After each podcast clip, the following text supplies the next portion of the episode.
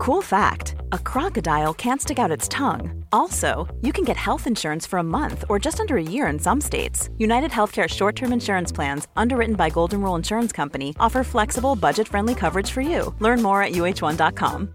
Want flexibility? Take yoga. Want flexibility with your health insurance? Check out United Healthcare Insurance Plans. Underwritten by Golden Rule Insurance Company, they offer flexible, budget friendly medical, dental, and vision coverage that may be right for you. More at uh1.com. Mother's Day is around the corner. Find the perfect gift for the mom in your life with a stunning piece of jewelry from Blue Nile. From timeless pearls to dazzling gemstones, Blue Nile has something she'll adore. Need it fast? Most items can ship overnight. Plus, enjoy guaranteed free shipping and returns. Don't miss our special Mother's Day deals. Save big on the season's most beautiful trends. For a limited time, get up to 50% off by going to BlueNile.com. That's BlueNile.com. Palmemordet, ögonvittnen del 3. Det är dags att återvända till mordplatsen. Det är dags att titta på de ögonvittnena vi hoppade över tidigare i podden. Men först, det har hänt lite saker. Jag heter Dan och eh, jag gör ju poddar och jag har startat en ny podd. Den heter Fan of Astronomy. Den är på engelska. Jag gör den med Angeli Paolucci och vi pratar astronomi. Men eh, det var inte det viktiga som har hänt. Palmemordet, den här podden klättrade under den senaste veckan upp till 16 plats på iTunes som bäst. Så 16 plats på svenska topplistan för iTunes. Jätteroligt, men det är inte heller det största som har hänt. För att i fredags den, eh, nu ska jag ställa, den 18 november så blev min nya podd, Seriemördarpodden, som det bara fanns sex avsnitt av, etta på svenska iTunes. Så för en kort stund slog jag både etta och nummer 16. Och ja, det är mer framgång än, äh, än vad jag hade räknat med. Det gick lite fort. Jag hade hoppats att det skulle gå bra med den här podden och kanske med någon annan. Men Seriemördarpodden växte 30 000 procent på en vecka. Och det var ganska intensivt. Så att det har varit omtumlande här. Så kolla gärna in den. Ja, det var det jag ville säga. Det har också lett till att vi har jättemycket iTunes-recensioner den här gången. Jag kommer nog att sluta läsa iTunes-recensioner i podden på Seriemördarpodden. Jag är inte bestämd riktigt än. Men vi är inte där ännu i Palmemordet. Så att jag tänker läsa upp alla iTunes-recensioner. Ge mig iTunes-recensioner. Tack! Vi har pratat om ögonvittnen tidigare. Avsnitt 5 av den här podden pratade vi om Jubisa, Nikola, Kerstin N och Anders B. Avsnitt 6 pratade vi om Anders B igen.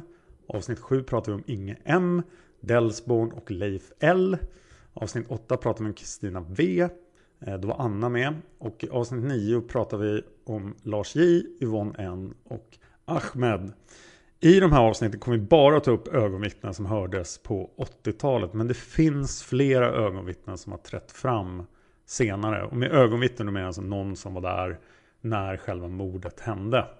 Det finns också andra vittnen som upplever underliga saker i närheten av mordplatsen men inte har direkt kontakt med en flyende gärningsman. Till exempel Sigge Cedergren. Och vi kommer återkomma till dem i andra spår. Som till exempel Christer Pettersson-spåret.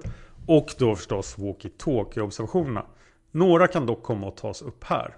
Mina källor för ögonvittnena är först och främst förhören som man hittar på Lennart Remstams utomordentliga webbsidor. Hans blogg och itdemokrati.nu. Också Inuti labyrinten av bröderna Putiainen, En iskall vind av Lars Borgnäs och eh, flera böcker av Gunnar Wall.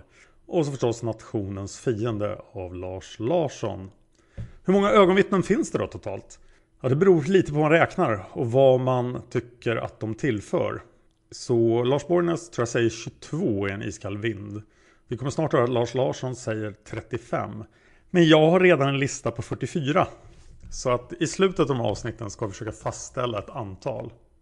Lars Larsson säger i Nationens fiende Ungefär 35 personer har sett hela eller delar av mordet eller gärningsmannens flykt eller varit i dess närhet omedelbart efter. Så vitt känt är samtliga av dessa personer identifierade och förhörda av polisen en eller flera gånger. Totalt genomfördes de första tre månaderna 9062 förhör varav 711 förhör med personer som befunnit sig i direkt anslutning till mordplatsen. En del personer förhördes alltså flera gånger. Av dessa 711 förhör valde polisen slutligen knappt 100 förhör som underlag för åtalet mot Christer Pettersson. Dessa förhör är offentliggjorda och den som vill ta del av dem kan begära ut kopior från myndigheten. Vad som står i de övriga 600 förhören är hemligt eftersom de ingår i förundersökningssekretessen.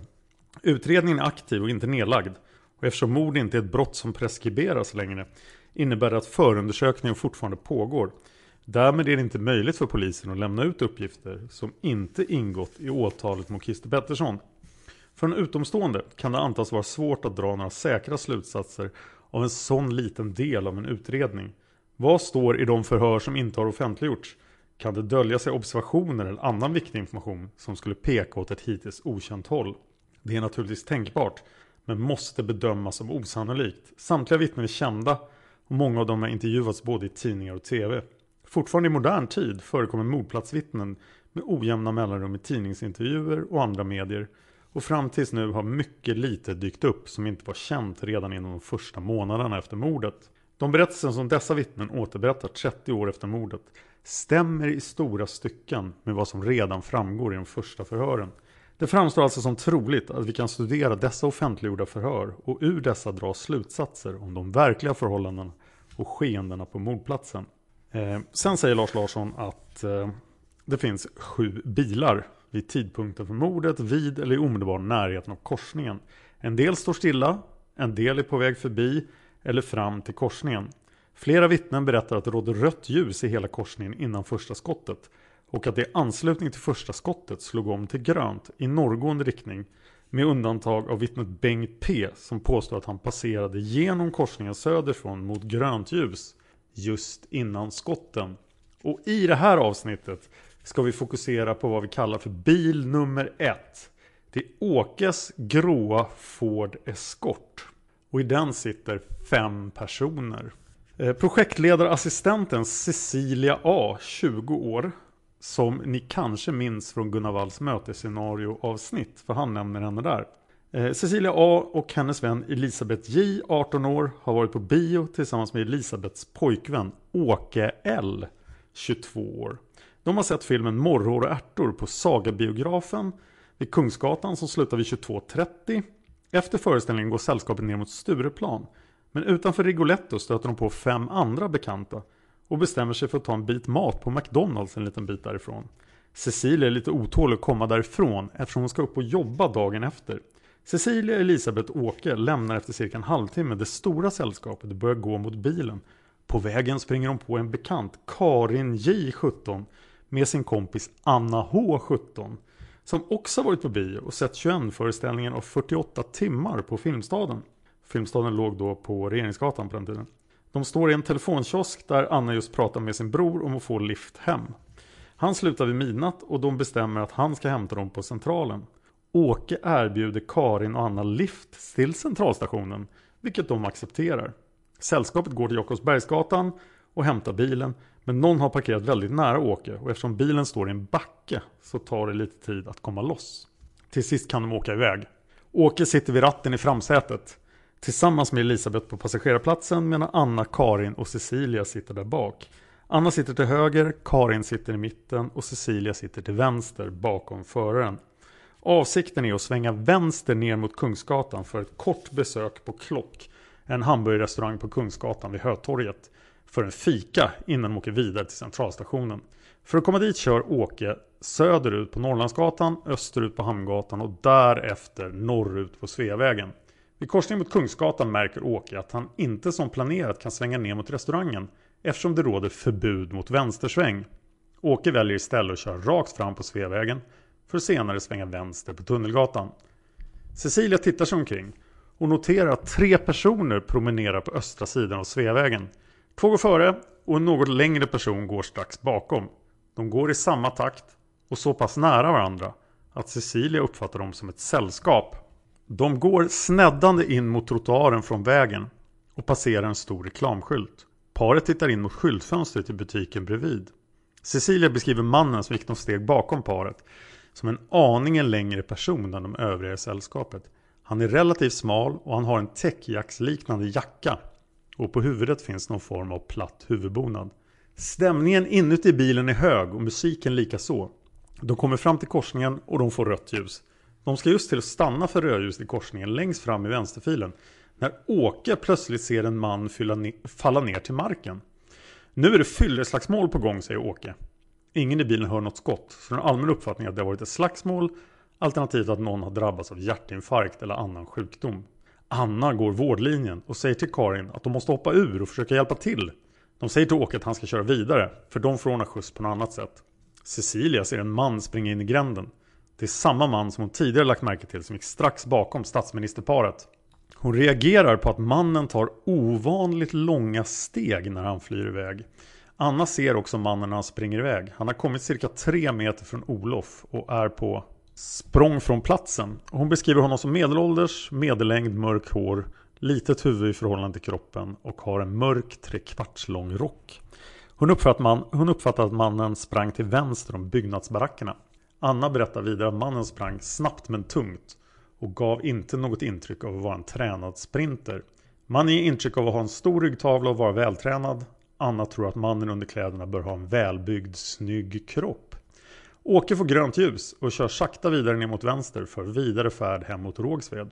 När Anna och Karin kommer fram till den liggande mannen så ser de att de inte är först. En yngre kille, Stefan G, har redan kommit fram och har börjat vända Olof Palme i framstupa sidoläge. Olof ligger då på höger axel med ansiktet in i gränden. Det väller blod ur munnen på Olof. Förutom de själva finns bara Lisbeth, Olof och Stefan på plats. Anna tar beslutet att vända Olof på rygg för att påbörja hjärt och lungräddning. Stefan börjar ge Olof mun mot mun metoden. Och Anna börjar med hjärtkompressioner. Lisbeth knuffar Anna och försöker dra bort henne från Olof. Det ska vara en läkare till det, ropar hon. Lägg er inte i, fortsätter Lisbeth. Beställ läkare, beställ operation. Jag har blivit skjuten, jag också. Karin gör sitt bästa för att lugna Lisbeth, men utan större framgång. När Lisbeth försöker dra bort Anna från Olof ryter Anna i och Lisbeth släpper henne. Lite senare polisen kommer hör Karin Lisbeth ropa Ser ni inte vem jag är? Jag är Lisbeth Palme. Det här är min man Olof. Och han har blivit skjuten. Det finns ju ett vittne i den här bilen som eh, skiljer ut sig från de andra fyra och det är just Anna H. Eh, jag tycker att Anna H agerar väldigt hjältemodigt här när hon försöker rädda Olof Palmes liv. Och vi ska ägna ett helt avsnitt åt Anna för hon kommer att kallas som vittne i tingsrätten och hon har ganska mycket att säga. Men nu ska vi titta på de andra. Vad gäller föraren, den 22-åriga Åke L, så har jag inte kunnat hitta något förhör. Jag måste ha missat det. För det förbryllar mig jättemycket att hans förhör inte skulle ha släppt. Kanske är det för att han inte säger någonting vettigt. Men om man vill vara lite konspiratoriskt lagd då, tänk om han säger någonting som talar emot Christer Pettersson som gärningsman.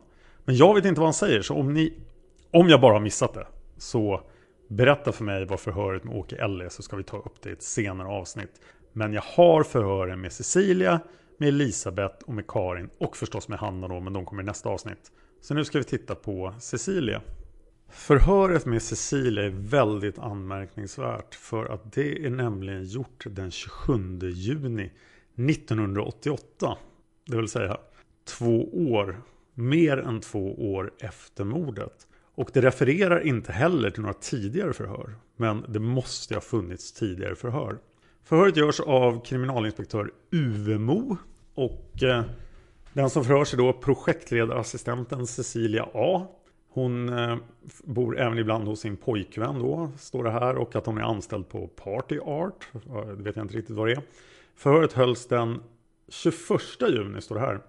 1988 med början klockan 16.35 och den hölls i en tjänstebil stående mitt framför Sveavägen 36. Det fanns även en polis som heter Lennart Gustafsson med i bilen.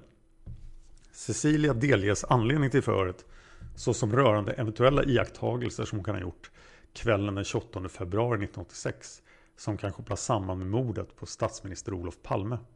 Cecilia berättar att hon den 28 februari 1986 tillsammans med Åke L och Elisabeth J varit på bio. De var på Sagabiografen på Kungsgatan och såg 19 föreställningar om morrhår och ärtor. Filmen slutade kring 21-tiden. Därefter gick de tre Kungsgatan ner mot Stureplan i jämnhöjd med Rigoletto sammanträffade Cecilia och hennes kompisar med fem bekanta personer. Tillsammans gick de till McDonalds på Kungsgatan för att äta. Cecilia säger att hon tittade på klockan flera gånger under kvällen och under tiden på McDonalds. Men att hon idag inte kommer ihåg vad klockan kan ha varit då de gick därifrån. Anledningen till att hon tittade på klockan var att hon skulle upp och arbeta dagen efter och därför ville ha kläm på tiden. Men idag kommer hon som sagt inte ihåg vad klockan var då de gick från McDonalds. Cecilia åkte tillsammans med Åke och Elisabeth och de skulle på bio. Åke släppte av Cecilia och Elisabeth utanför biografen Saga och åkte själv för att parkera bilen. Cecilia hade ingen aning om var bilen varit parkerad. Efter att de ätit och umgåtts en stund på McDonalds gick Cecilia, Åke och Elisabeth ut därifrån för att hämta bilen. De övriga kompisarna stannade kvar på McDonalds. De lämnade McDonalds på Kungsgatan och snäddade densamma och gick upp Norrlandsgatan i riktning söderut från det högre till det lägre numret. De gick Norrlandsgatan fram och i korsningen Norrlandsgatan 17 till 21 och Lästmakargatan 7 till 23 så stod två och står även idag två telefonkiosker. I detta hörn sprang de tre ihop med Anna och Karin. Ready to pop the question? The jewelers at BlueNile.com have got sparkle down to a science with beautiful lab-grown diamonds worthy of your most brilliant moments. Their lab-grown diamonds are independently graded and guaranteed identical to natural diamonds, and they're ready to ship to your door. Go to BlueNile.com and use promo code LISTEN to get $50 off your purchase of $500 or more. That's code LISTEN at BlueNile.com for $50 off. BlueNile.com code LISTEN. How would you like to look five years younger? In a clinical study, people that had volume added with Juvederm Voluma XC in the cheeks perceived themselves as looking five years younger at six months after treatment. Look younger, feel like you. Add volume for lift and contour in the cheeks with Juvederm Voluma XC. Reverse signs of aging by adding volume to smooth laugh lines with Juvederm Volure XC. For important safety information and to find a licensed specialist, visit juvederm.com. That's J U V E D E R M.com. Not for people with severe allergic reactions, allergies to lidocaine, or the proteins used in Juvederm. Common side effects include injection site redness, swelling, pain, tenderness, firmness, lumps, bumps, bruising, discoloration, or itching. There's a risk of unintentional injection into a blood vessel, which can cause vision abnormalities, blindness, stroke, temporary scabs, or scarring. Talk to a licensed specialist to find out if it's right for you. Hiring for your small business? If you're not looking for professionals on LinkedIn, you're looking in the wrong place. That's like looking for your car keys in a fish tank.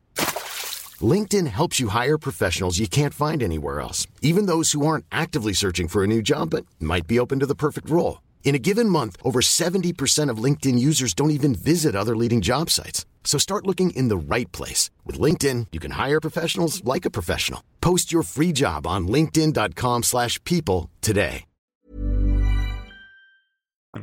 Dessa två sistnämnda tjejer känner inte Cecilia, för de är kompisar till Elisabeth J.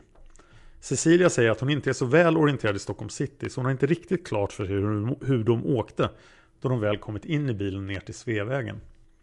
Innan det säger hon att hon tror att de kanske stod kvar tillsammans med Elisabeth och pratade med de två nya tjejerna de kommit i kontakt med medan Åke var borta för att hämta bilen. Detta är hon dock ej helt säker på. Men hon har en svag minnesbild av att hon såg Åke försöka få ut den inparkerade bilen.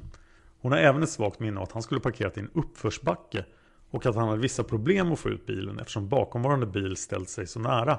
Då Åke fått fram bilen och de bestämt sig för att åka från platsen så satte sig Åke bakom ratten. Elisabeth satt framme till höger och bak satt Cecilia, Anna och Karin. Okänt om det var Anna eller Karin som satt till vänster eller höger om henne.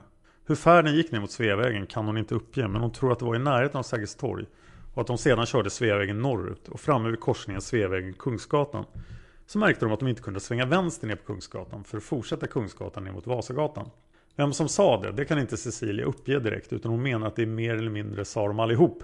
Detta att det inte gick att svänga vänster. Förbjuden vänstersväng råder där. Färden gick nog över Kungsgatan och vidare Sveavägen ner till nästa korsning. För att där svänga vänster. Det är Tunnelgatskorsningen. Rent allmänt kan sägas om färden att då de väl satt sig i bilen så tittade inte Cecilia sig så noga omkring. Eh, eftersom hon nu träffar de där två nya kompisarna till Elisabeth och de pratade om det ena och en det andra. Vad klockan var vid den här tidpunkten under resan, det vet inte Cecilia. Rörande trafikintensiteten säger Cecilia att den nog var ganska lugn. Eftersom hon vill minnas att då de stod nere vid korsningen Sveavägen Tunnelgatan för rött ljus att de inte hade någon bil efter sig eller bakom sig. Hon säger att de stod som första bil för att svänga vänster ner mot Tunnelgatan. Cecilia säger att de spelade hög musik i bilen Hon satt då i bilens baksäte och pratade med Anna och Karin och hon vill minnas att hon kanske inte tittar sig omkring så väldigt mycket. Tillsammans med kriminalinspektör Gustafsson har Cecilia promenerat en väg hon uppfattade de här personerna komma den 28 februari 1986. Följande observationer gjorda från Tunnelgatan vid rödljusen där bilen stod parkerad. Tilläggas ska att Cecilia helt spontant säger att vid tillfället så hade hon inte sina glasögon på sig. Hon hade dem troligtvis i fickan. När hon tittar upp ser hon tre stycken personer komma sneddande in mot trottoaren vid Sveavägen 42. Idag står en stor reklamskylt på samma plats där hon såg personerna komma. Okänt om denna reklamskylt fanns där den 28 februari. Men det tror jag vi vet från andra för att den gjorde. Paret gick alltså från västra till östra sidan på Sveavägen. I samband med att eh, det första paret, en man och en kvinna, kommer sakta gående Sveavägen stannar de till, tittar i ett skyltfönster som troligtvis är Dekorimas. Och strax bakom är det en man som går också i samma takt. Tillägg! Det är inte en man och en kvinna utan det är tre personer hon ser. Cecilia berättar vidare att mannen som går bakom de två personerna är något längre. Cecilia säger att hon är osäker på om paret stannade vid Dekorima eller om de liksom bara sakta promenerade förbi och tittade genom skyltfönstret. Den tredje personen var strax bakom paret. Hon kan dock inte säga hur långt bakom han var. Eftersom hon fick den uppfattningen att dessa tre var ett sällskap. Medan hon gjorde dessa nämnda observationer och iakttagelser av de tre personerna så lyssnade hon ju samtidigt på hög musik i bilen och pratade där med de andra i bilen. Cecilia menar att hon inte iakttog dessa tre personer hela tiden. Men då var det någon i bilen som sa Oj, vad gör de? Och då tittade även Cecilia upp mot de tre personerna. Någon fällde kommentaren äh, Typiskt fyllisar Eftersom det verkade som om någon klippte till någon i det sällskapet. Hon kan liksom inte säga att det var en man som slog en man. Utan upprepar och säger att det var någon som slog någon. Och då fälldes kommentaren att det var typiskt fyllisar. Efter det att personen som utdelat slaget, denna person uppfattade Cecilia så som varandes en man. Att han sprang upp Tunnelgatan 4-6 som en skugga efter skyltfönstren över Dekorima. Han försvann in i gränden. Hon vill mena att detta såg hon var högra ögonvrån. Utan hon koncentrerade, sig, hon koncentrerade sig mera på den person som faller ner på marken och blir liggande. Hon visste ej vad det var för kön på personen som låg på marken. Om Cecilia och sällskapet fortfarande stod för rött ljus har hon ingen aning om. Men hon säger att hon reagerade för att en taxi körde mot rött ljus. Han stod till höger om dem på Sveavägen i riktning norrut och han körde alltså mot rött ljus. Taxin körde upp på trottoaren i närheten av där omnämnda person låg. Taxichauffören lämnade dörren öppen i bilen. Cecilia har för sig att taxichauffören var ensam i bilen. Anna och Karin hade precis gått och tagit någon examen inom sjukvård. Någon av dem sa då vi får gå ut och praktisera våra kunskaper. Anna och Karin steg ur bilen medan bilen alltjämt stod på Sveavägen i den vänstra filen. Någon i bilen frågade Anna och Karin om de skulle vänta på dem. Men de fick den uppgiften att de kunde åka. De skulle ringa efter någon bror till någon av tjejerna som skulle hämta upp dem senare. Därefter åkte sällskapet med Åke, Elisabeth och Cecilia sakta ner till vänster och Tunnelgatan för vidare färd hemåt. De körde sakta och tittade hela tiden mot platsen där mannen låg. Rörande tidigare nämnda taxibil så tror Cecilia att han, alltså taxichauffören, lämnade bilen, gick fram till offret och sen tillbaka till bilen. Då antog Cecilia att han via sin radio kontaktade hjälp. Det var i anslutning till detta som de dämpade ljudet på sin musikapparat i bilen. Cecilia tillfrågas ifall hon har hört några smällar. Då säger hon att hon inte gjorde det. De hade som sagt var hög musikvolym i bilen. Hon säger att hon aldrig såg vad som föranledde till att en person blev liggande på marken. Hon antog dock att han blivit nedslagen. Hon säger att man inte räknar med att folk går och blir nedskjutna på Sveavägen. En signalementsbeskrivning på den tredje personen. Han skulle vara längre än den längsta i paret, alltså längre än Olof Palme. Personen var även relativt smal och en typisk han-person. Han var eventuellt klädd i en täckjacksaktig jacka. Huvudbonad var någonting platt. Det var alltså ingenting som stack upp. Hon säger att hon dock har en känsla av att mannen hade huvudbonad. Hon såg ej ifall personen bar några glasögon. Hon reagerade dock på att mannen gick med långa steg. Då hon lade märke till dessa långa steg, det var det hon såg i högra ögonvrån då personen försvann upp Tunnelgatan mot det lägre numret österut. Cecilia säger att då de lämnade Sveavägen och körde ut Tunnelgatan västerut så bar färden av hem till Rågsved. I Rågsved bor Åke och Elisabeth. Hon säger rent spontant att hon inte lade märke till någonting som hon nu efteråt kan säga att hon reagerade på. Samt att hon inte la märke till någonting som hon kopplar ihop med det som hände på Sveavägen Tunnelgatan. Cecilia upprepar sig och säger att då hon först la märke till paret Palme och den tredje personen så var det hennes uppfattning att det var ett sällskap. Natten mellan den 28 februari och 1 mars 1986 så sov Cecilia över hos Åke och Elisabeth i Rågsved.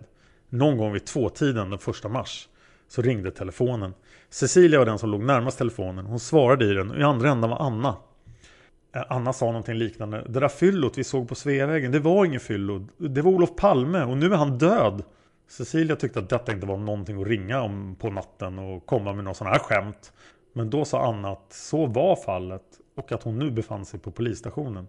Då trodde Cecilia på Anna och då rusade Cecilia in och väckte Åke och Elisabeth. Cecilia tror även att Åke pratade med Anna. Cecilia tillfrågar speciellt om hon har någon uppfattning om hur länge de stod för rött ljus vid Tunnelgatan Sveavägen. Hon säger att det kanske normalt är rött i en, en halv, två minuter.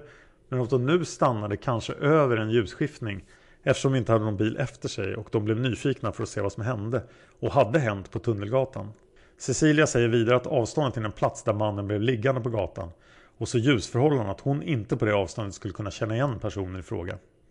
Cecilia säger att det rörde sig en del fotgängare kring och utanför biograferna på Kungsgatan och utanför McDonalds. På direkt fråga hur det såg ut i omgivningen kring mordplatsen så säger Cecilia att det var någon enstaka fotgängare som var ute och gick. Dock ingen som hon lade märke till. Ingen som betedde sig på något speciellt sätt. Eftersom Cecilia antog att dessa tre var i sällskap så tittade hon inte så mycket efter fler personer. Hon tillfrågas om hon lade märke till några polisbilar eller om hon hörde några sirener efter att de lämnat korsningen. Hon säger att hon inte gjorde det. Föret avslutas klockan 18.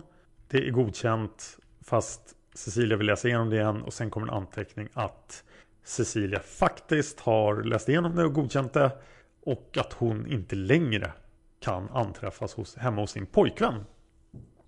Det första förhöret vi har med Elisabeth är väsentligt mycket tidigare. Det är gjort den 3 april 1986.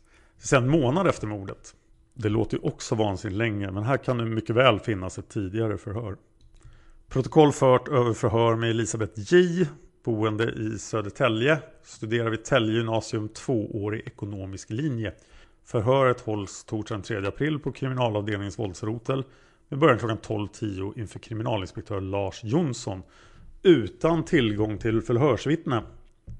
Elisabeth var passagerare i Åkes personbil mordkvällen den 28 februari. Elisabeth berättar hon tillsammans med Åke och en flicka som heter Silla Aktuell kväll besökte Nio-föreställningen på biografen Saga där de såg filmen Morrhår och ärtor. Filmen slutade omkring 22.30. Efter bion gick de tillsammans till McDonalds och käkade varefter de vid 23-tiden promenerade Kungsgatan in på Norrlandsgatan och någon gång efter 23 så sammanträffar Elisabeth med kompisarna Anna och Karin. Anna H och Karin J befinner sig vid en telefonkiosk på Norrlandsgatan när de träffar varandra. De slår sedan följe till Åkes bil som är uppställd troligtvis på Jakobsbergsgatan. De tar plats i bilen, Åke sätter sig bakom ratten och Elisabeth sätter sig till höger i framsätet. Anna H till höger i baksätet, Karin i mitten och Silla till vänster. Åke kör sedan från Jakobsbergsgatan omkring klockan 23.15 och för sedan bilen för Elisabeth okända gator fram till Sveavägen. Åke kör sedan Sveavägen norrut. De har för avsikt att köra till restaurang Klock på Kungsgatan. Kungsgatan i närheten av Hötorget. Åker kör Sveavägen mot Kungsgatan, konstaterar att man inte får första vänster, företa vänstersväng i den korsningen. Varefter han passerar över Kungsgatan, korsar Kungsgatan och lägger sig i vänsterfil för att företa vänstersväng vid korsningen Sveavägen-Tunnelgatan. Åker stannar bilen för rött ljus i korsningen med Tunnelgatan. Vid aktuell tidpunkt har de i bilen en bandspelare med ganska högt påslagen musik. Och här byter förhöret till ett dialogförhör då, mellan förhörsledaren och Elisabeth. Elisabeth, får jag fråga dig, vad är det som händer? Vad är det du först reagerar inför när ni står här vid trafiksignalerna för rött ljus? Elisabeth, Åke, han säger något om att det är någon fight på gång och då tittar jag där till höger. Så Åke säger någonting först. Elisabeth, ja, jag tror inte jag tittade bort. Jag kanske satt och tittade bara runt omkring, men han sa att det är fight på gång eller något sånt och då tittar jag. Och då får man intryck att det är några som står och bråkar. Jag vet inte om det är svårt. Det var som om de två stod och höll i varandra, som man står så här och håller i kragen. Ja, det kom jag på mer efteråt. Det är väl som jag ser det nu. Att de, som att de står så här då. Men sen så kommer, tittar jag bort därifrån och ser någon springa över vägen. Jag vet inte om det är han taxichauffören eller någon som korsar i alla fall. Men han kom från bilen eller något, det vet jag. Men han springer över vägen fram dit. Äh, han springer över Sveavägen alltså. Ja, över vid gatan där, förhörsledaren. Där ni står alltså. Elisabeth, ja framför oss. Kommer han och springer? Förhörsledaren. Han springer framför er bil då mot den här platsen. Ja, sen så. Men det första du ser när du tittar bort snett till höger måste bli då att det uppehåller sig två personer där. Elisabeth. Ja, det är det. Sen så då ser jag att det ligger någon på gatan och då om det är Lisbeth det måste det nästan vara som springer några steg fram och tillbaka. Ungefär som att ropa på hjälp eller något. För det var lite så här spring fram och tillbaka att det kan ha varit att hon stod inte helt stilla om det nu var hon. För det kom folk hela tiden. Det kom några till framrusande och det blev så mycket spring. Förhörsledaren. Men den första bilden som du har, minnesbilden som du har. Det är två personer som står upprätt. Är det så eller? Ja, det där vet jag inte. Förhörsledaren. Är det diffust? Elisabeth. Ja, det är som att jag kommit på efteråt. Men jag vet inte om det är Åke som har sagt något om att de stod och höll i varandra. Men jag tror inte det. Jag såg i alla fall när det låg någon där nere och hon sprang och stod där. Förhörsledaren att det ligger någon på marken och att någon springer runt kring den här. Elisabeth. Ja, och så kommer den här killen och så kommer någon från andra hållet. Förhörsledaren. Så kommer en kille och springer framför er bil på Sveavägen. Och till den här platsen. Ser du någon annan person, någon som kan haft med det här att göra, som springer från platsen? Nej, det, det gör du inte. Nej, jag såg ingenting. Förhörsledaren, ingen annan som tycks ha med den här händelsen att göra. Elisabeth, nej. Gick du ur bilen sen? Nej. Satt du kvar hela tiden? Ja. Du var aldrig framme vid den här platsen? Nej. Men det var några som gick ur er bil. Elisabeth. Anna och Karin, hon öppnade dörren. Vi trodde då när någon föll ihop så trodde vi först att det var bråk. Men sen var det någon som sa att det kanske är någon som är sjuk. Fått någon hjärtattack och bara fallit ihop. Men tror inte att det är någon som blir skjuten. Något sånt fick vi inte för oss. Men då tyckte Anna att hon skulle hjälpa till då. Släpp ut mig och så sprang de ut då. Så sa de att vi kunde köra vidare för vi stod ju mitt där uppe. Förhörsledaren. Ni stod mitt i vägen och då gjorde ni också. Åke körde iväg därifrån. Elisabeth, ja, när det blev grönt då, men jag såg när Anna och Karin kommer fram dit att hon stod och pratade men hon gjorde ingenting då. Hon stod lite böjd där och pratade med dem där. Men då var han framme som gjorde konstgjord andning. Det kanske var han som sprang fram, men jag vet inte om han redan var där. Förhörsledaren, men så vitt du kunde se fanns det ingen som sprang från platsen. Elisabeth, nej. Förhörsledaren, hur upplevde du det här? Hade det precis inträffat någonting då, eller när du såg alltså? Eller såg du att det var någonting som höll på att hända? Förstår du vad jag menar? Elisabeth, ja det var någonting där borta. Vi trodde att det var slagsmål. Helt plötsligt började folk springa. Eh, Förhörsledaren, men du förstod inte vad som hade hänt. Elisabeth, nej men vi trodde då att när vi körde iväg att det var någon som var sjuk. Förhörsledaren, hörde du något oväsen strax innan?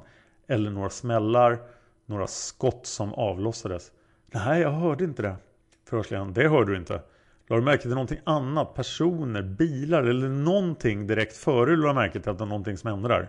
Det var ingenting, inga bilar bakom eller framför er. Jo, bilar var det bakom och framför, men jag kommer inte ihåg. Förhörsledaren, inget speciellt. Elisabeth, nej. Förhörsledaren, ingenting som du har lagt på minnet. Elisabeth, ja det var den där taxin, men jag vet inte om jag såg den. Förhörsledaren, vad var det? Elisabeth, som jag lade märke till, taxin, den stod framför oss. Förhörsledaren, den stod alltså framför er för rött ljus. Elisabeth, ja jag tror det. Men det kan vara sånt där då, för det vet man ju att det är en taxi med i allt det här.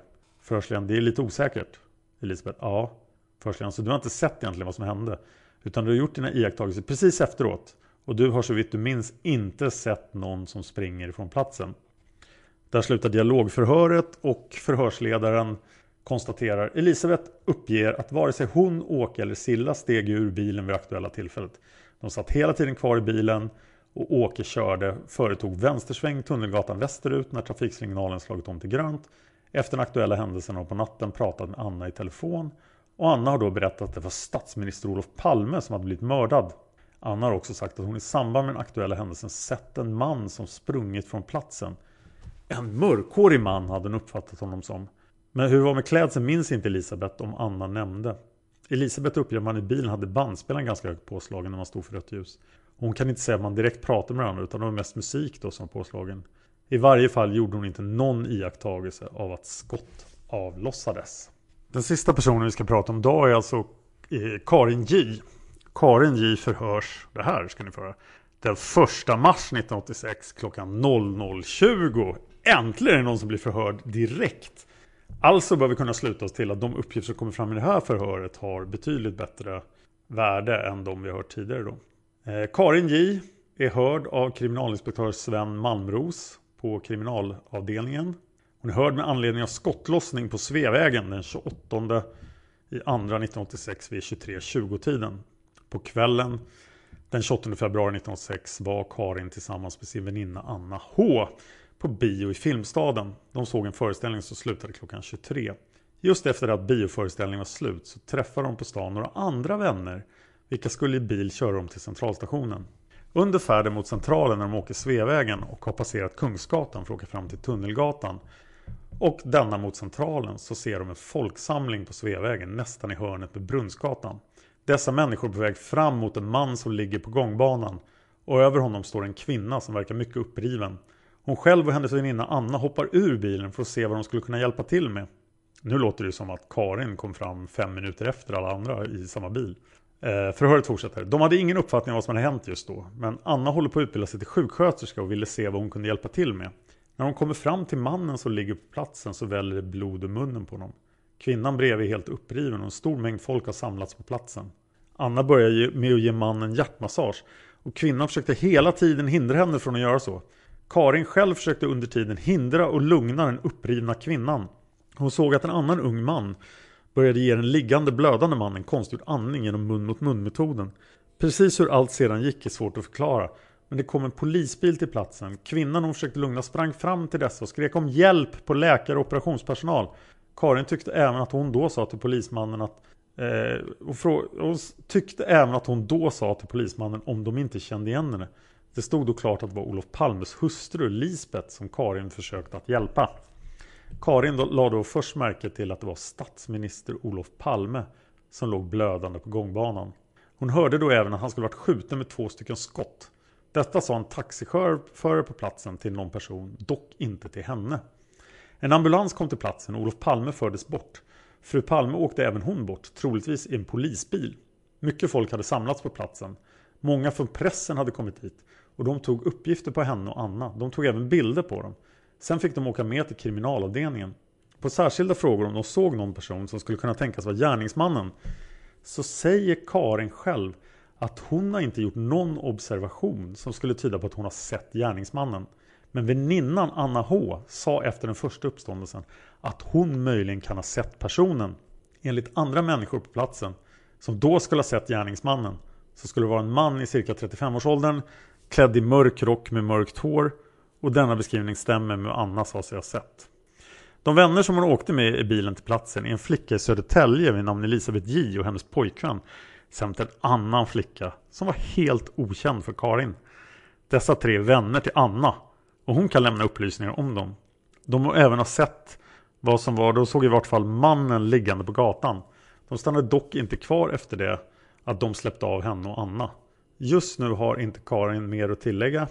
Genomläst och rätt i sak. Men Karin blir ju förhörd igen. Hon blir förhörd den 2 april 1986 klockan 15.10 på kriminalavdelningens våldsroter av Lars Jonsson och A. Bäckström.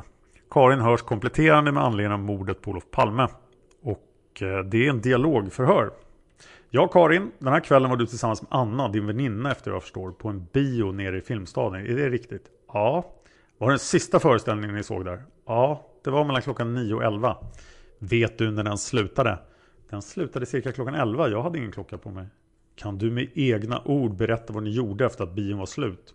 Vi gick ner mot Norrlandsgatan och därifrån så ringde vi till Annas bror eftersom han jobbar sent så han skulle komma och hämta oss. När vi står där och ringer på Norrlandsgatan får vi syn på våra kompisar som går utanför.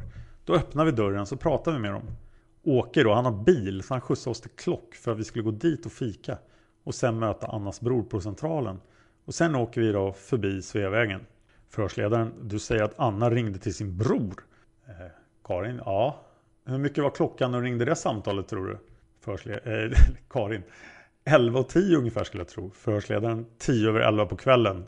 Karin, ja det är inte säkert men ungefär. Förhörsledaren, det var ungefär 10 minuter efter det att ni gått ifrån bion då. Ja, det tar en stund att komma ut där. Förhörsledaren. Och hon bestämde med honom att Karin, vi skulle mötas vid centralen. Förhörsledaren, vid vilken tid då? Karin, vad var hon nu då? Klockan 12 tror jag. Förhörsledaren, vid 12, ja. Karin, jag kommer inte ihåg exakt tiden. Förhörsledaren, ni bara träffades helt apropå de här. Karin, ja just det, de hade också varit på bio. Förhörsledaren, kompisarna ja. Karin, ja vi visste att de skulle gå på bio, eller Anna visste det, men vi visste inte vad, förmodligen på Filmstaden. Eh, Förhörsledaren frågar efter efternamnet på han som eh, hade bilen och eh, Karin har ingen koll på det. Men hon har koll på efternamnet på Elisabeth. Och att Åke och Elisabeth är tillsammans.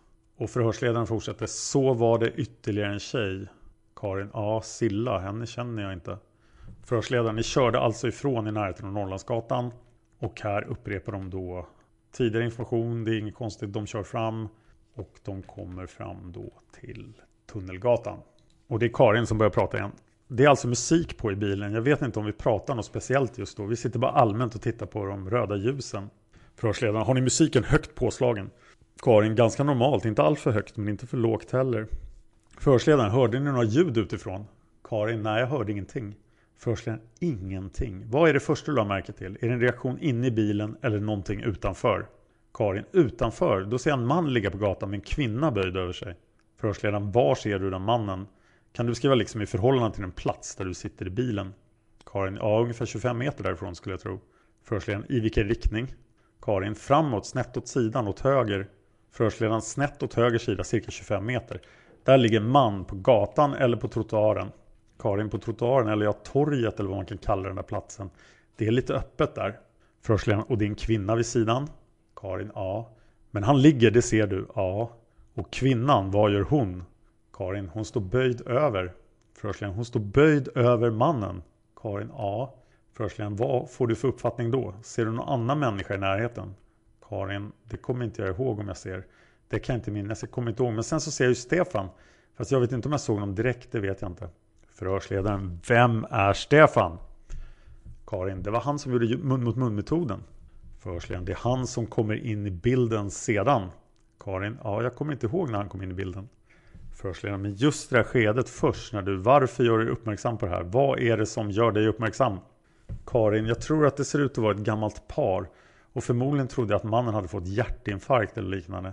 Min första tanke var Hjälp, det är inga människor här. Jag kanske kan hjälpa till med någonting. Eftersom jag är scout så har jag första hjälpen kan jag ju. I alla fall så kan man ju tillkalla ambulans och försöka lugna ner henne. Förhörsledaren, men så vitt du minns så. Karin, sen sa Anna till mig att kom vi måste hjälpa till. Då liksom, jag hade precis tänkt tanken och liksom inte hunnit säga någonting. Förhörsledaren, men så vitt du minns så ser du en man liggande på marken och en kvinna vid sidan. Karin, ja. Förhörsledaren, ingen annan människa i närheten. Karin, det är det jag inte kan koppla om jag ser Stefan direkt eller jag tror inte jag såg honom direkt. Förhörsledaren, såg du någon så är det den här Stefan. Karin, ja det tror jag, ingen annan, inte vad jag lagt märke till i alla fall. Förhörsledaren, Anna hoppar tydligen ur bilen först. Karin, ja hon sitter närmast. Förhörsledaren, och du precis efter henne? Karin, ja. Kan du beskriva vad ni gör? Karin, vi springer fram till mannen och kvinnan. Då har Stefan kommit dit och de har lagt honom i framstupa sidoläge.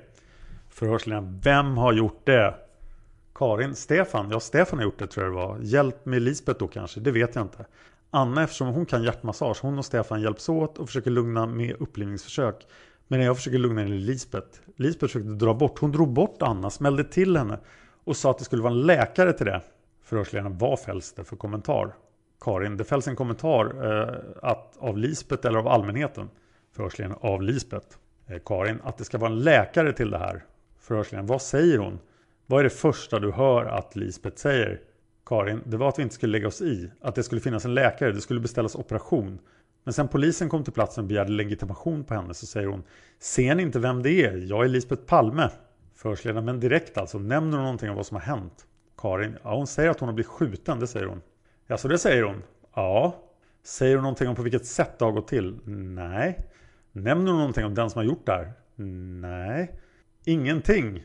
Nej, hon bryr sig bara om honom. Förhörsledaren, men säger hon ingenting att han gjorde det? Eller han försvann åt det hållet? Eller? Nej, ingenting sånt. Ingenting sånt. Karin, nej. Förhörsledaren, är du säker på det? Karin, ja, inte som jag har hört.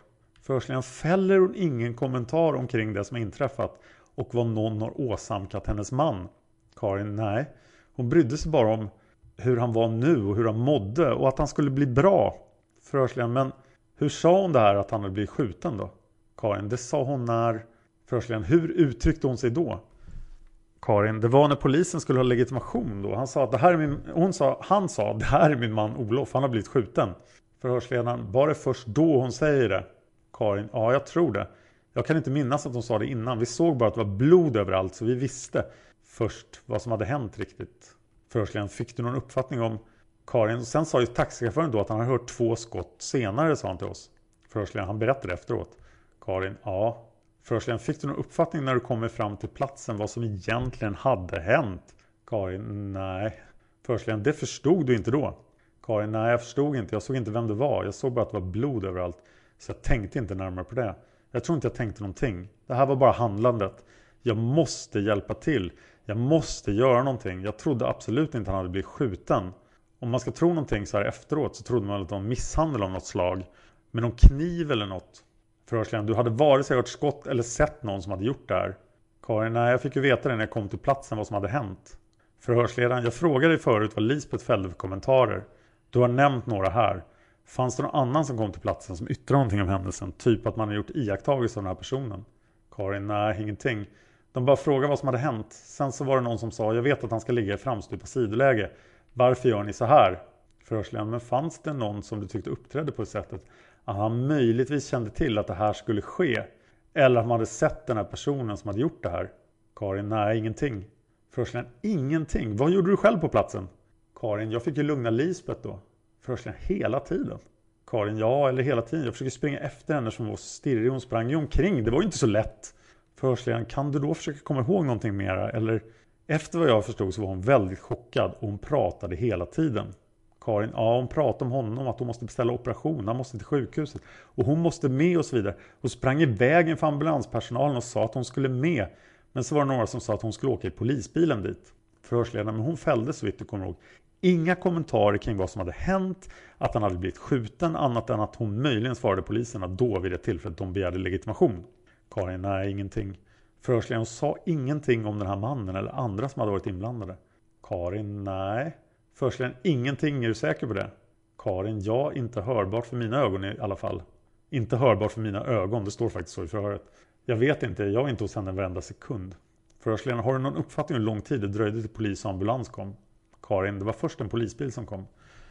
Förhörsledaren, först en polisbil.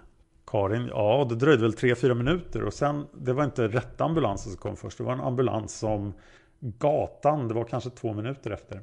Förhörsledaren, var Anna och du de första som kom till platsen? Ja. Var ni de första som kom till undsättning så att säga? Ja. Och Stefan då, som jag inte vet när han kommit? Jag kan inte minnas när han kom. Förhörsledaren, vilka kom i nästa moment? Har du liksom en klar bild av vilka som kom till platsen? Karin, nej det kom det var vi tre som arbetade om man säger så. Sen var det folk som tittade på. Jag lade inte märke till dem. Jag brydde mig inte då vilka som stod runt omkring.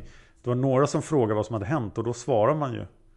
Förhörsledaren. Men Karin, var det någon som fällde kommentaren som, tyckte på att de hade, som tydde på att de hade sett när Olof Palme blev skjuten?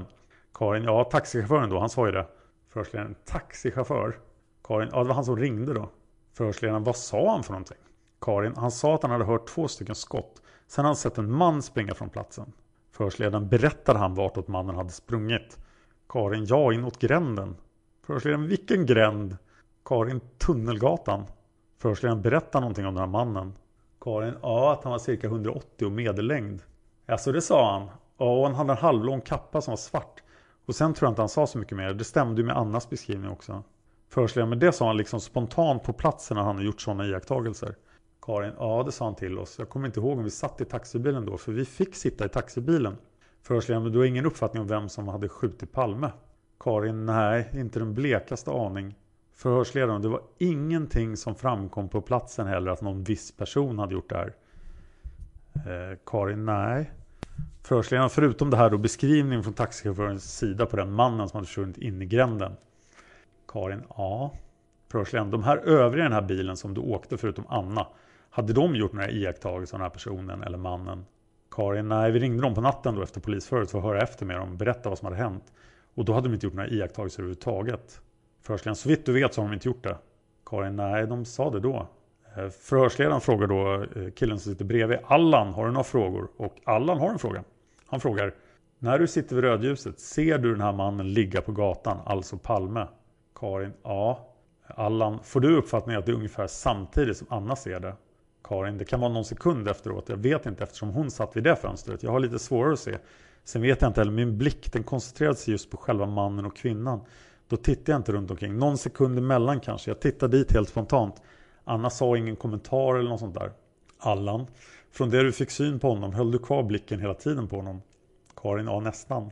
Allan, det var inte så att ni liksom i bilen började diskutera? Karin, nej det var Först höll jag kvar blicken då men så tänkte jag, jag måste göra någonting då. Precis någon sekund efter att jag hade tänkt det så på Anna ur bilen. Jag måste hjälpa till sa hon. Jag med sa hej då till dem och så bara Allan, du har ju hört att Anna såg där en man intill, eller hur? Karin, ja. Allan, hur kommer det sig att du inte såg den här mannen? Har du någon uppfattning om det? Karin, ja kanske för att jag såg en sekund senare eller så tittade jag bara på. Jag koncentrerade blicken bara på mannen och kvinnan. och Jag tänkte inte på vad som var runt omkring. Allan, hur länge är ni kvar på platsen? Karin, till polisen tar oss därifrån. Till kriminalpolisen, kom dit och hämta oss. Allan, det är en bra lång stund det. Karin, ja, det var en ganska lång stund. Allan, vilken film såg ni den här kvällen? Karin, 48 timmar. Allan, och den gick på biografen? Karin, Filmstaden. Allan, det är ingen annan händelse innan ni kom till Sveavägen som du la märke till? Nej. Någon bil, någon uppträdande, någon person eller? Nej. Jag tänkte, förhörsledaren kommer tillbaka in här. Jag tänkte fråga dig Karin, hur var ljusförhållandet här på platsen? Och vädret den här kvällen, kommer du ihåg det? Nej, det kommer jag inte ihåg. Halvmörkt tror jag. Förhörsledaren, halvmörkt. Karin, ja jag tror det. Jag vet inte, jag är inte helt säker. Förhörsledaren, men du såg den här... Karin, det var mörkt in i gränden, så mycket vet jag. Förhörsledaren, du såg den här mannen och kvinnan tydligt från bilen. Karin, ja. Du såg alltså att det var en man och en kvinna. Karin, ja. Allan hoppar in igen. En fråga till Karin. Innan polisen pratar med er, pratade du och Anna sinsemellan någonting? Jag tänker nu på vad Anna hade iakttagit som hon berättade för dig. Ja, det gjorde hon. Allan, vad sa Anna? Karin, hon sa att hon hade sett en man springa därifrån. Jag tror hon sa det i samband med att vi stod och pratade med taxichauffören.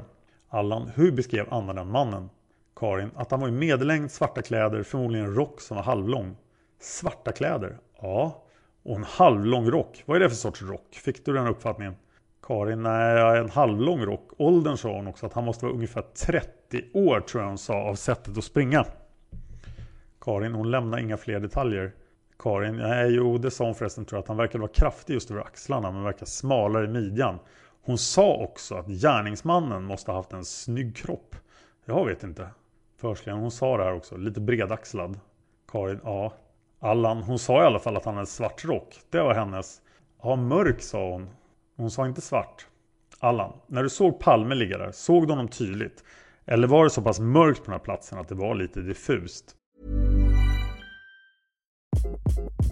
Hi, this is Craig Robinson from Ways to Win, and support for this podcast comes from Invesco QQQ the official ETF of the NCAA. Invesco QQQ is proud to sponsor this episode and even prouder to provide access to innovation for the last 25 years. Basketball has had innovations over the years too. We're seeing the game played in new ways every day. Learn more at Invesco.com slash QQQ. Let's rethink possibility. Invesco Distributors, Inc. Even when we're on a budget, we still deserve nice things. Quince is a place to scoop up stunning high-end goods for 50 to 80% less than similar brands. They have buttery soft cashmere sweaters starting at $50, luxurious Italian leather bags, and so much more. Plus, Quince only works with factories that use safe, ethical, and responsible manufacturing. Get the high-end goods you'll love without the high price tag with Quince. Go to quince.com/style for free shipping and 365-day returns. A lot can happen in three years, like a chatbot may be your new best friend. But what won't change? Needing health insurance. United Healthcare Tri Term Medical Plans, underwritten by Golden Rule Insurance Company, offer flexible, budget friendly coverage that lasts nearly three years in some states. Learn more at uh1.com. Karin, han hade en mörk rock på sig. Jag tror det var mörk i alla fall. Sen så var det mycket blod överallt. Det var ju blod härifrån och upp så här. Hela ansiktet. Det var ju det som man såg mest. Allan, vad jag är ute efter? Det är när du sitter i bilen och ser det här. Kunde du då på det här paret, på färger på kläderna? Eller var det så att det blev mörkt eller ljust bara? Karin, jag såg att hon hade en ljusare rock på sig, beige eller vad den var. Och han hade en mörkare rock. Men sen kommer jag inte ihåg om jag såg något direkt. Allan, jag har inga fler frågor. Förhörsledaren, okej okay, Karin, jag har inte heller några frågor. Har du någonting du vill tillägga? Nej. Och där slutar förhöret med Karin. När jag lyssnar på det här förhöret så tittar hela tiden efter den gode Stig. Var är Skandiamannen? Han ska vara mitt i den här röran. Men jag hittade någonting här som, som var lite underligt. När Karin sa Vi springer fram till mannen och kvinnan. Då har Stefan kommit dit och de har lagt honom i framstupa sidoläge. Då frågar förhörsledaren, vem har gjort det? Och då säger Karin, Stefan. Ja, Stefan det tror jag att det var. Hjälp med Lisbeth då kanske. Men hon säger dem. Och sen säger hon att det bara är Stefan. Det skulle man vara väldigt eh, vänligt inställd till Stig kunna tolka som att det var någon mer där. Men man får väl konstatera att Karin borde ha sett Skandiamannen. Jag vill tacka lite nya sponsorer på patreon.com palmemordet. Jag vill tacka Rickard, jag vill tacka Andreas. Jag vill tacka Vem var det som har Fantombilden som sin profilbild. Jag vill tacka Johan. Extra tack till dig. Och jag vill tacka Daniel. Jag vill tacka Olof. Och jag vill tacka Marcus och Bjarne. Och Niklas. Jag vill också att alla ni som har sponsrat på Patreon gör er beredda på morddagen. Om ni har möjlighet på morddagen och vara i Stockholm, alltså den 28 februari 2017, så säg till mig. Om ni har sponsrat på Swish, vilket ni kan göra då genom att skicka mig ett meddelande på facebook.com palmemordet. Så säg till mig och berätta när ni betalar och så, här, så ska jag och ge mig er mailadress. Det gäller överlag när ni sponsrar någon av mina poddar på Swish. Så ge mig er mailadress. Och säg vilken podd det är. För nu finns ju Seriemördarpodden också och ett gäng andra poddar. Det är väldigt svårt att hålla ordning på Swish-inbetalningarna jämfört med Patreon. Ja, nu ska jag läsa upp då lite iTunes-recensioner. Och jag är inte säker på att det här funkar i längden då eftersom det kom in väldigt många i samband med att den här podden klättrade till 16 plats. Men än så länge försöker jag läsa alla. Först är det en recension från Trident 2113 som har gett podden fyra stjärnor. Och då säger han, klickar man på prenumerationen så kommer det upp en ruta som säger att det inte är en giltig podd. När seriemördarpodden ökade med 30 000 procent, då kraschade servern. Och när servern är kraschad, då ser man det här. Det man ska göra då är att gå till YouTube och lyssna på podden där, för alla avsnitt finns på YouTube.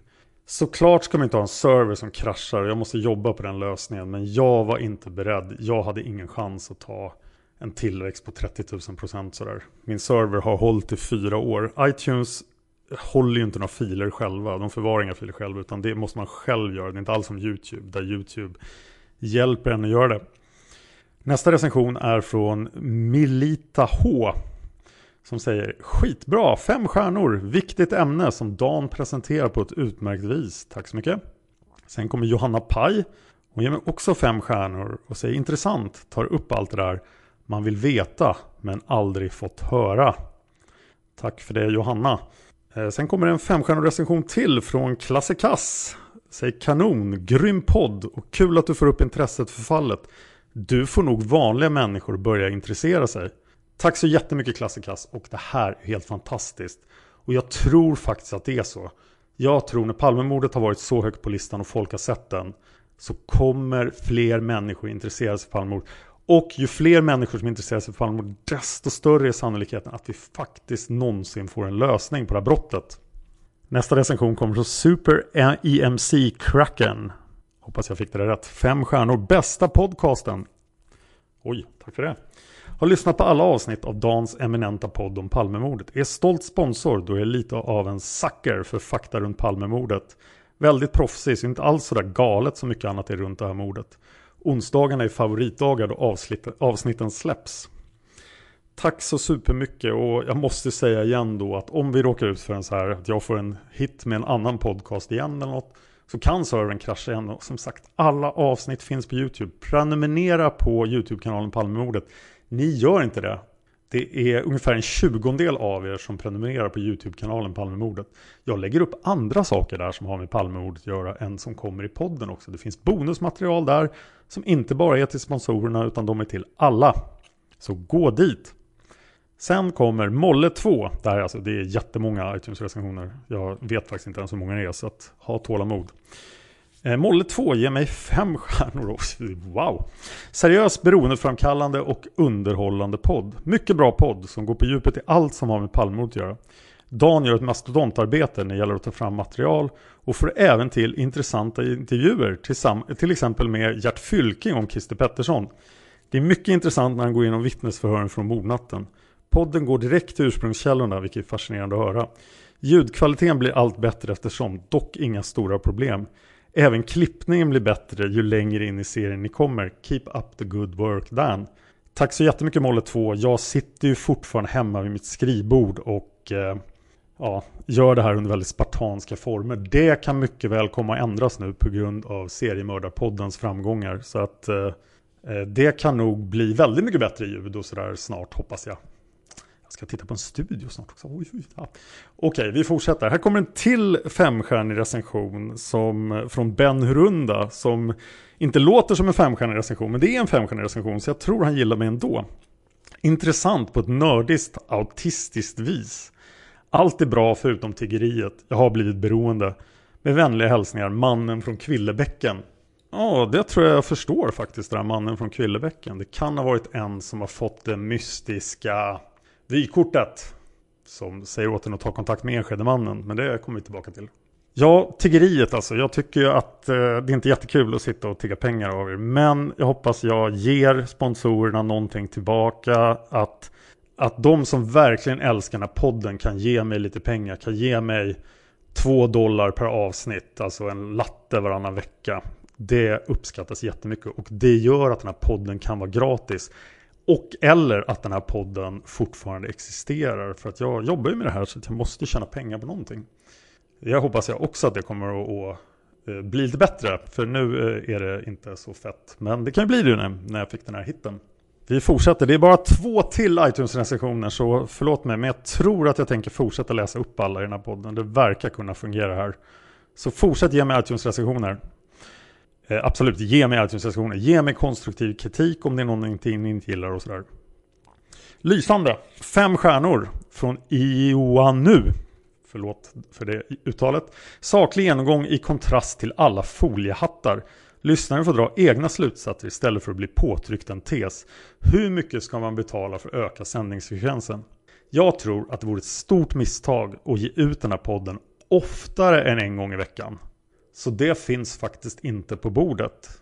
Eh, men om ni absolut skulle vilja att podden kom ut två gånger i veckan. Då tror jag, jag, jag ser ju faktiskt att många sponsorer eh, inte sponsrar alla avsnitt utan bara sponsrar två avsnitt i månaden. Så det verkar ju som att folk skulle kunna stå ut med att podden kom varannan vecka. Men från eh, nu och eh, tills vidare så kommer ju podden ut varje onsdag. Och jag tror att det är väldigt bra att vara regelbunden på det. Men att öka den frekvensen, det tror jag inte jag har planerat att göra. Då gör jag nog hellre bonusmaterial på något sätt. Den sista recensionen kommer från David. Nej, jo, den har rubriken David och kommer från Motorhead 2000. Och den är också fem stjärnor.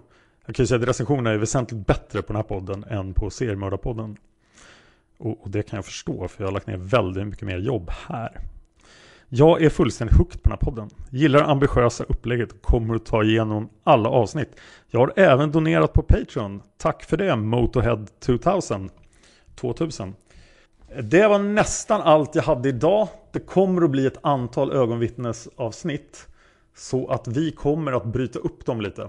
Men det kommer jag tillbaka till och vi måste ju även ta itu med den målsägande som också är ett ögonvittne. Ja, i den här serien kommer det att finnas avsnitt om Lisbeth Palme.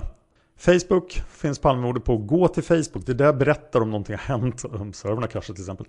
Eh, på Twitter, på Dan Horning, så pratar jag om alla mina poddar, alla mina projekt. Det är ett jättebra ställe att följa mig på. Gå till Palmemordet på YouTube.